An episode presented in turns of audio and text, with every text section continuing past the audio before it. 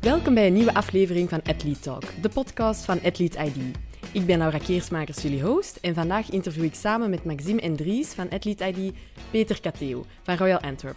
Welkom Peter. Dankjewel. Jij bent Head of Performance bij Royal Antwerp. Wat houdt deze rol nu net juist in? Wel, het is eigenlijk een vrij ruime rol. In eerste instantie ben ik eigenlijk ja, op het veld altijd physical coach. Dus elke training ben ik aanwezig op het veld. Uh, maar mijn rol is eigenlijk ruimer dan uh, een physical coach. Daarnaast uh, hou ik heel veel data bij over de spelers. wat betreft het fysieke werk op het veld, maar ook alle data van de, de medische staf wordt allemaal samengebracht in een grote database. en doe ik heel veel analyses daar rond ja, mee ook alles wat betreft het medische, fysieke opvolgen. Um, ook naar de jeugd toe. Dus het is uh, een ruimer rol dan alleen op het, uh, op het veld. Terwijl er in andere clubs misschien head of performance zijn meestal mensen die niet op het veld komen en alles overschouwen. En physical coach zijn de mannen alleen op het veld. Moet ik dat hier nog voorlopig combineren. Maar in de toekomst hoop ik daar wel ondersteuning te krijgen met een, een extra physical coach, zodanig dat we dat we nog verder ja, progressie kunnen maken ook op, op dat vlak. Dus je hebt eigenlijk ook wel een goede band met de spelers, neem ik dan aan? Ja, Allee, ik zie de, spelers dagelijks. Uh, ja. mm -hmm. Dus jij doet ook nog mee de individuele opvolging dan? Ja, klopt. Wat is nu het recept om als physical coach carrière te kunnen maken? Hoe bent u daarin gerold en wat zijn misschien ook tips voor, voor onze luisteraars? Een belangrijke tip als, als physical coach, zeker als je daar een tijd wilt uh, blijven inzitten, is dat je heel flexibel moet zijn. Um, flexibel op alle gebieden natuurlijk. In, in de tijd dat ik er nu in zit, heb ik wel heel wat coaches meegemaakt, maar echt de verschillen tussen coaches zijn, zijn enorm. Um, op alle vlakken, qua, qua menselijke omgang, maar ook qua, qua inhoud en manier waarop dat ze trainingen aanpakken. Uh, en dan moet je heel flexibel kunnen zijn. Uh, als je heel star je eigen idee gaat blijven volgen, dan, dan gaat het niet lang duren. Tenzij je natuurlijk een coach gevonden hebt waarmee dat enorm klikt en je kan meegaan met die coach, dat is iets anders. anders. Maar als je bij een club bent en je gaat heel wat coaches meemaken, moet je, ja, moet je flexibel zijn en, kan je niet, niet star vasthouden aan je idee. Uh, je moet proberen eigenlijk uh, je ideeën en je plannen uh, te vertalen in de denkwijze van de coach. Uh, natuurlijk, hij is de baas. Hij neemt ook alle verantwoordelijkheid daarvoor. Dus uh, moet je ook zorgen uh, dat je echt in dat plan ook uh, meegaat. Dus flexibiliteit is, is, denk ik heel belangrijk. Oké. Um, je hebt al een zeer mooie carrière kunnen opbouwen als physical coach. Onder andere bij Genk, dan bij Antwerpen. U bent ook lector bij Sport Vlaanderen. En als u dan nu even terugkijkt op het verleden, wat is dan de grootste shift die er de laatste jaren gebeurd is binnen de voetbal, binnen uw domein als physical coacher? Ik denk voornamelijk de data-analyse en dataverzameling in, in zijn geheel. Dat is de laatste jaren enorm geboomd of gegroeid. Uh, op fysiek vlak, medisch vlak, maar ook uh, technisch tak. Dus ook uh, de coaches, assistentcoaches, die maken veel meer gebruik van data. dataverzameling rond wedstrijden, trainingen, videomateriaal. maar dat is hetzelfde ook voor, voor het fysieke. Daar is natuurlijk is van oudsher misschien iets meer eh, data sowieso aanwezig. Naar, naar, naar snelheid, afstanden, dat, dat, was er al iets sneller. Uh, maar dat is nog meer geboomd. Echt alles wordt bijgehouden. Uh, wij zijn ook dagelijks bezig met metingen op, op alle vlakken om de spelers echt op te volgen en zo goed mogelijk bij te sturen. Om ze zo goed mogelijk te laten presteren en om ja, blessures zo goed mogelijk te, te voorkomen. En hoe gaat het dan in zijn werk? Doen jullie dan die uh, data-opname? Ja, er zijn verschillende manieren. Dus bijvoorbeeld, het meest gekende is op het veld dragen de spelers een GPS-monitor uh, op, hun, op hun rug. Dus daar komt al heel veel data uit. Voor trainers is dat bijvoorbeeld de videoanalyse, die dan uh, met videosoftware wordt geanalyseerd. Maar bijvoorbeeld, spelers geven ook zelf data. In elke ochtend um, hebben ze op een iPhone, moeten ze in een app ingeven hoe dat ze bijvoorbeeld geslapen hebben, hoe ze, dat zich ochtends voelen waar dat ze eventueel ergens pijn hebben. Um, bijvoorbeeld ook de, de ochtendurine kunnen ze dan aangeven hoe dat die gekleurd was. Uh, dat geeft ons al heel veel data, nog voordat ze eigenlijk op de club komen. En dan op de club, een heel eenvoudige beweging is ook al een meting, is ook extra datapunten, dus ook dagelijks worden ze gewogen. Um, eventueel dan effectieve urinecontrole. Uh, verder...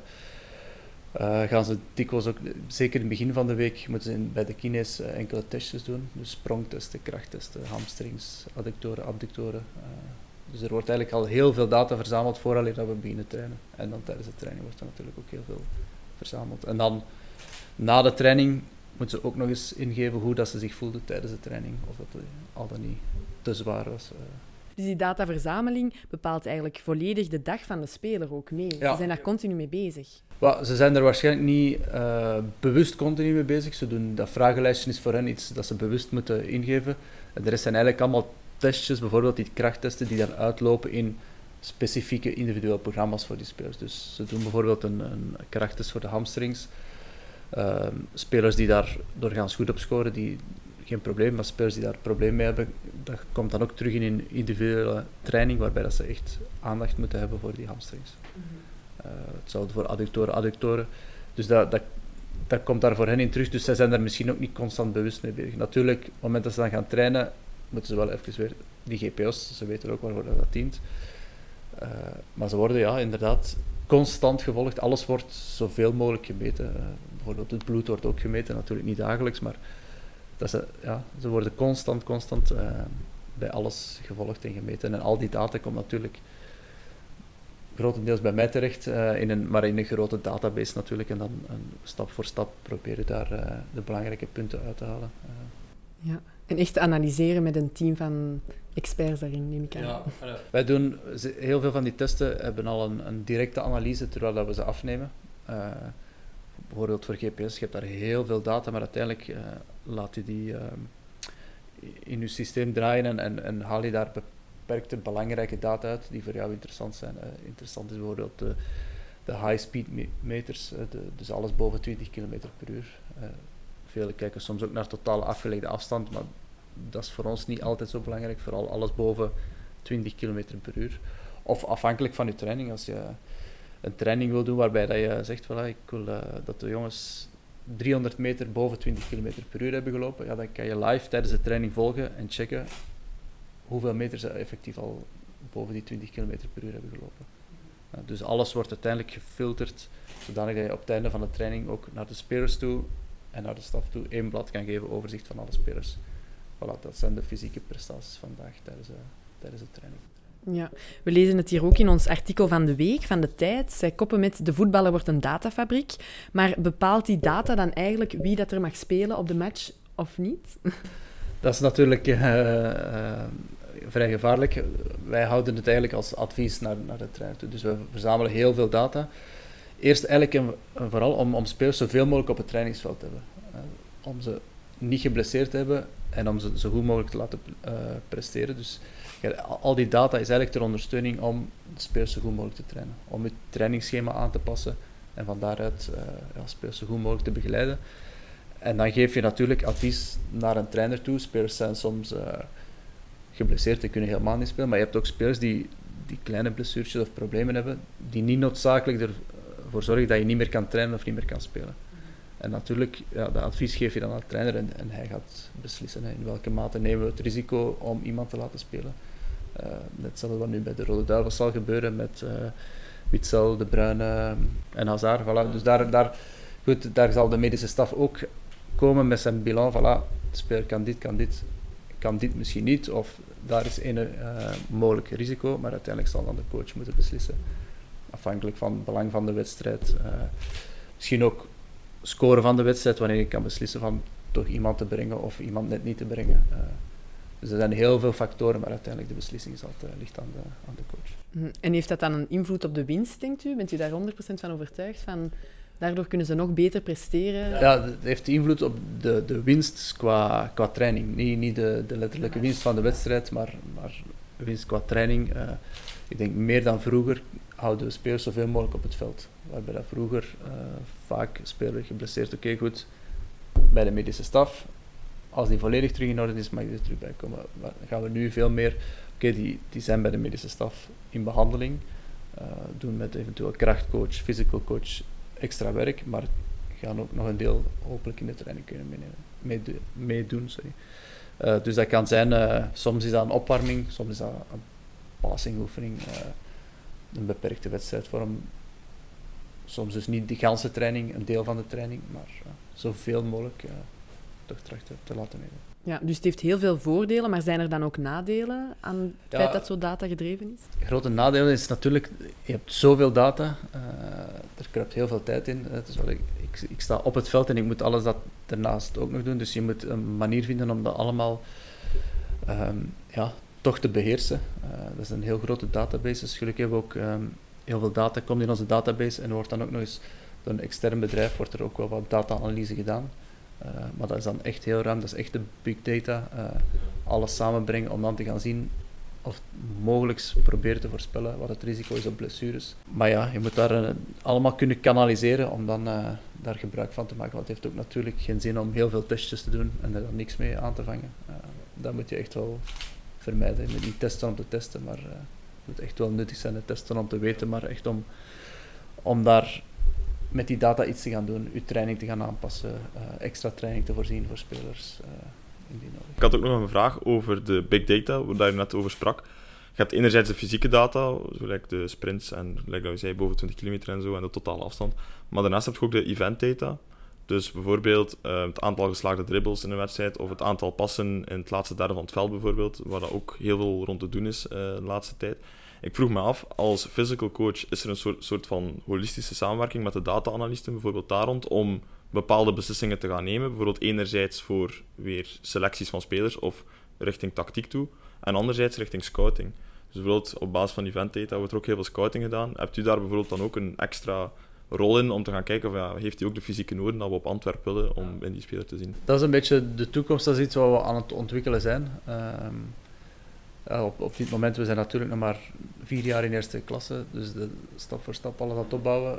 Maar dat is wel de volgende stap, om dat ook allemaal te gaan, gaan samenbrengen. We, krijgen nu ook een uh, nieuwe data-analyst bij, dus dat is de, de volgende stap om, om inderdaad dat fysieke te gaan koppelen met die event data en dan uh, um, ja, te gaan bepalen wat is profiel voor een Antwerp-speler op de rechtsbakpositie? Uh, wat is profiel voor onze centrale verdediging, middenvelder enzovoort? Er is van oudsher veel data vanuit het fysieke. Die GPS'en zijn er nu toch al wel een tijdje. Uh, maar je ziet ook nu meer en meer die videoanalisten. Dat is niet alleen maar beeldjes knippen en plakken, maar ook inderdaad met die eventdata rekening houden met alle statistieken die je, die je na de wedstrijd ter beschikking krijgt. Wordt er nu steeds meer en meer opgewerkt wordt. De, de, wedstrijd ook meer daarop voorbereid. Naar, gaan ze checken wat zijn de data van de tegenstander. Uh, gaat, gebeurt de aanval bijvoorbeeld meestal over de rechterkant, linkerkant uh, enzovoort.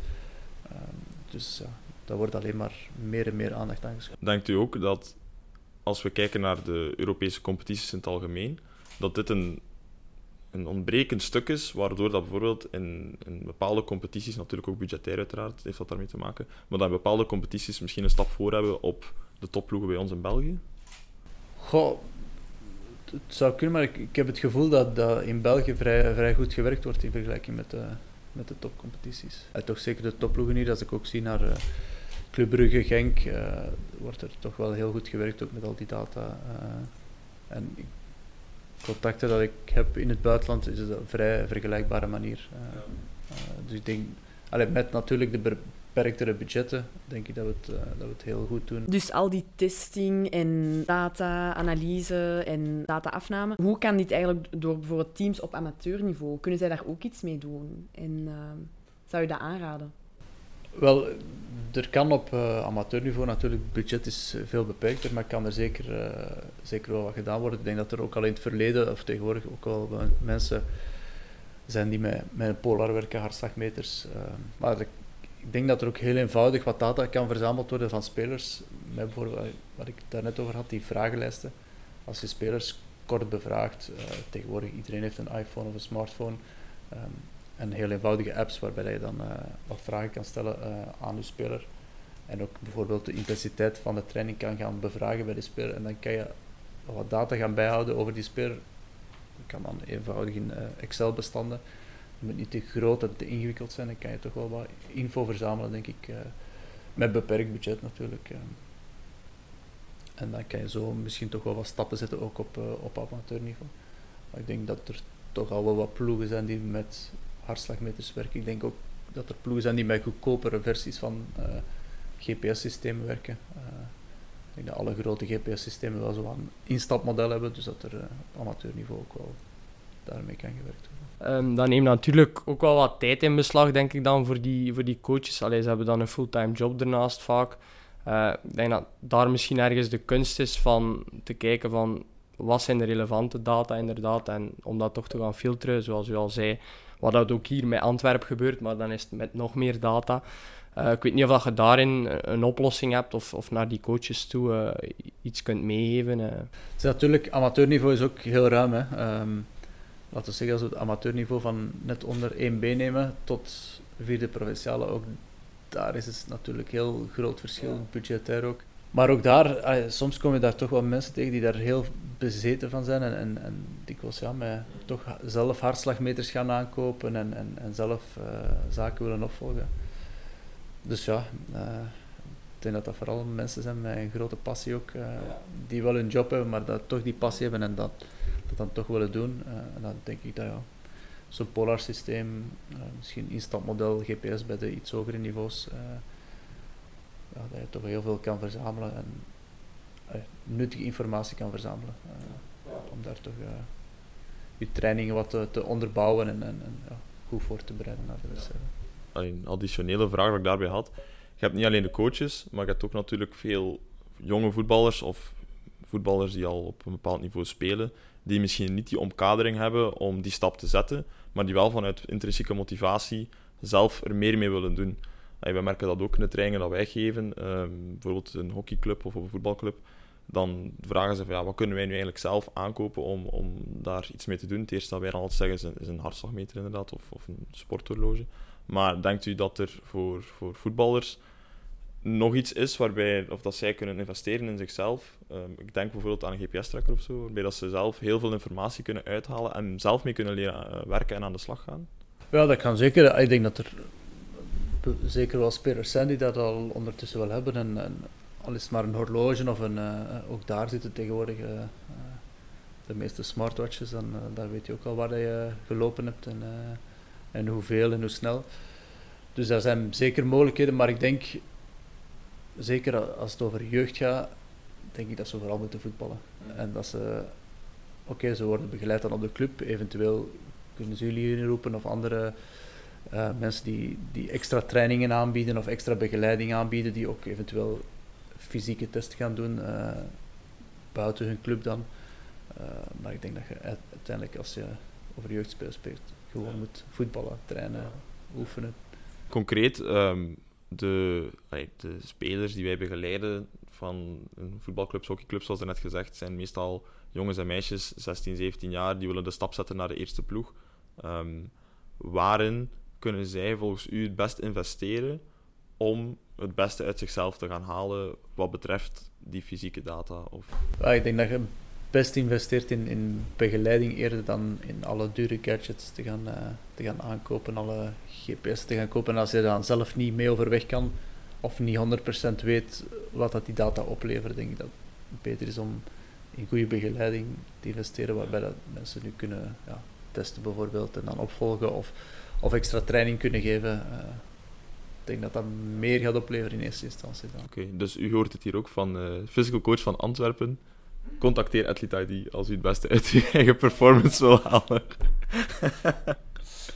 Via Sean Huigaerts, jullie strength and conditioning coach, heb ik ook vernomen dat alles eigenlijk vertrekt vanuit een athlete-centered approach. Maar wat wil dat nu juist zeggen en hoe ziet je dat binnen uw club als, als rendabel, als succesvol? Ja, dat is dan vooral meer ja, in, de, in de gym of in de fitness naast de, de training, want uiteindelijk alles start wel vanuit het groepsgebeuren, de training, dat is nog altijd de basis uh, uh, ja, van de werking natuurlijk. Hè. Um, maar daarnaast, dus met al die dataopvolging, proberen de, de spelers zo individueel mogelijk te bekijken. Dus doen al die testjes en dan krijgen ze een individueel programma. Dus wordt alles wel gericht op die ene speler. En en dat programma kan enorm afwijken van speler A ten opzichte van, uh, van speler B natuurlijk. En, en dus alles naast het groepsgebeuren, naast de groepstraining, is natuurlijk gericht op die individuele atleet. Wordt er dan ook gebabbeld met een atleet? Ik bedoel, je hebt natuurlijk je objectieve data, maar is het ook zo dat je echt in gesprek gaat met die speler van Hoe voelt dat voor u zelf aan? Ehm, zijn er redenen waardoor dat jij deze data haalt? Of, of hoe moet ik dat zien? Ja, natuurlijk. Uh, maar ook niet vergeten, we verzamelen heel veel data, maar het is niet dat we heel strikt zeggen van, voilà, vandaag, dit staat op programma, die cijfertjes gaan eruit komen.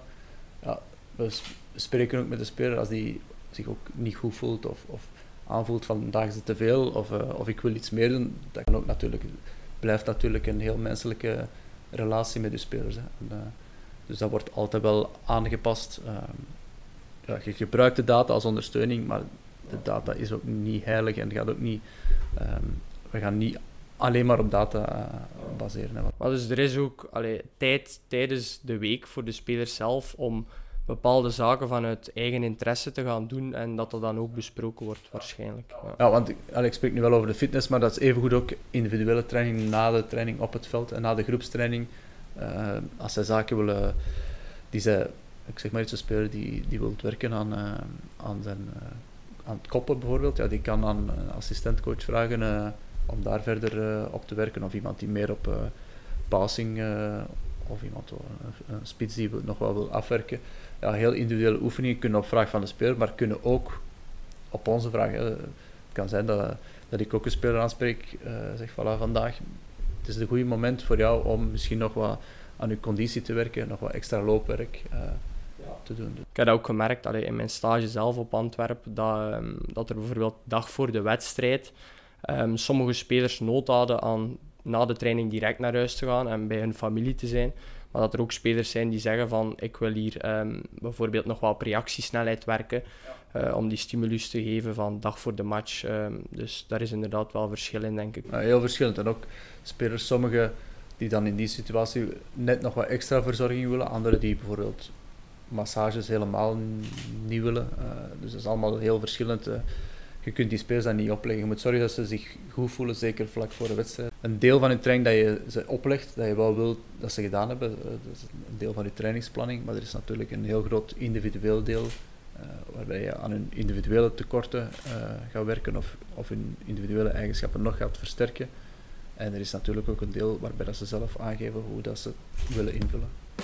En dan misschien om af te sluiten, wat is voor u een gouden tip voor onze luisteraars? Dus zowel sporters op hoger niveau als mensen die net zijn beginnen te sporten. Een algemene tip dat u zegt van dat is belangrijk om uw prestaties te verbeteren? Ja, moeilijk. Uh, veel trainen denk ik is heel belangrijk, uh, maar ook variatie. Uh, sorry dat je ook als je begint, niet beginnen lopen en al elke dag vijf kilometer variatie in je training, misschien ook variatie in, de sporten, zeker als je begint.